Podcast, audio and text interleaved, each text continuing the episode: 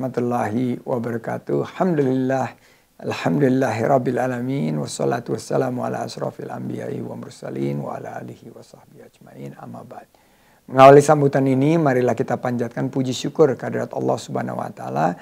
Karena atas rahmat dan karunia-Nya, kita diberikan kesehatan untuk kembali bertemu dengan bulan suci Ramadan 1443 Hijriah. Saya mengucapkan selamat menjalankan ibadah puasa dan tarawih kepada seluruh panitia Ramadan dan jamaah Masjid Kampus UGM. Pada kesempatan kali ini saya juga ingin menyampaikan permintaan maaf belum bisa hadir langsung di Masjid Kampus UGM bersama tokoh-tokoh nasional lainnya. Hadirin yang saya hormati, Indonesia merupakan negara dengan populasi muslim terbanyak di dunia. Sebanyak 236,53 juta penduduk di Indonesia atau sebesar 86 persen, 88 dari total jumlah populasi kita.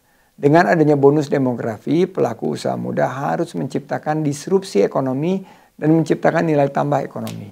Peningkatan kualitas sumber daya manusia mutlak diperlukan supaya pemuda-pemudi Indonesia dapat bersaing dan kompetitif tidak hanya di Indonesia tapi juga di level dunia.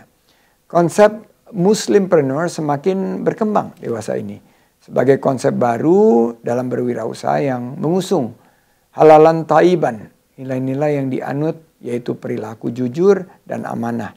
Dinilai cocok bagi generasi muda khususnya kalangan pelajar, santri dan mahasiswa. Konsep muslimpreneur bukanlah konsep yang eksklusif, namun harus bersifat inklusif dan terbuka bagi siapa pun dan latar belakang apa pun.